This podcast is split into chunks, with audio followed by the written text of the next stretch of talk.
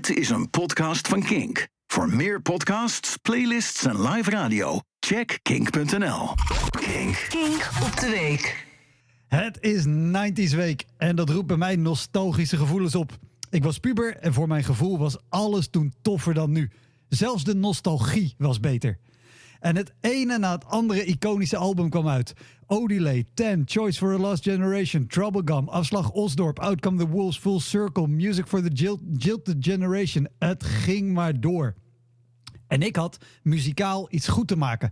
Mijn allereerste concert was van Gloria Estefan. En mijn eerste singeltje van Chico en Roberta, de twee dansende kinderen uit de clip van Lambada. Wat? Ter compensatie waren dan mijn eerste zelfgekochte albums Nevermind en Rage Against the Machine.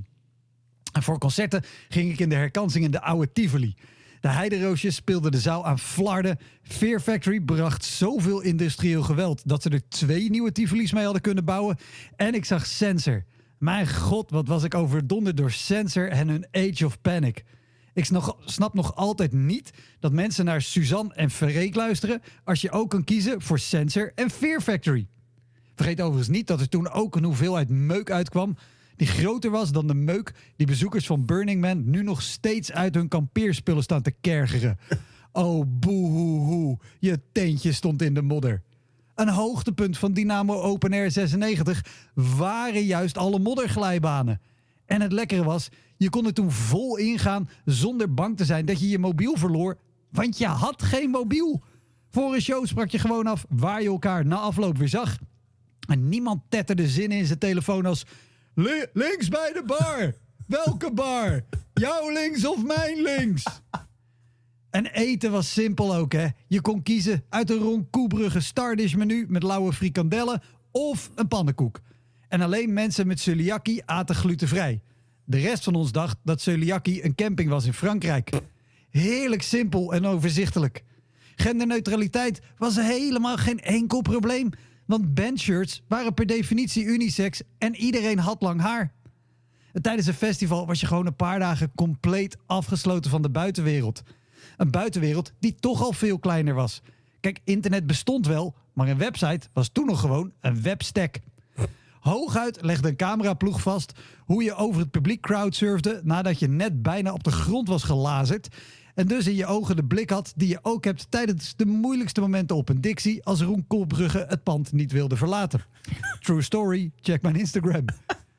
De enige vorm van social media waren de wist u datjes in het blaadje van de lokale sportvereniging. En dus vertelde je pas na afloop met een schorre stem aan vrienden wat je had gezien, gehoord en beleefd. Zo piepte ik ooit aan de bar van mijn stamkroeg, de Boot Hill Saloon. We deden op Lowlands een sinaasappelgevecht. hey, plakkerige handjes in de lucht als je daarbij was. Twee groepen alto's tegenover elkaar die elkaar bekogelden met sinaasappelschillen. Een vriend van me stond, stond aan zijn heupen in een kliko vol met schillen. En tijdens de charges reed ik hem naar voren, opende de klep en dan kon hij vuren. En toen de andere groep ons aanviel, deden wij snel de kliko-klep dicht en reden weer terug naar relatieve veiligheid.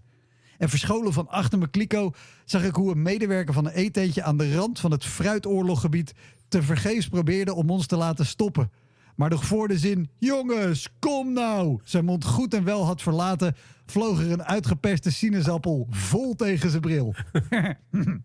ja, mm, cool. Ach ja, de jaren negentig.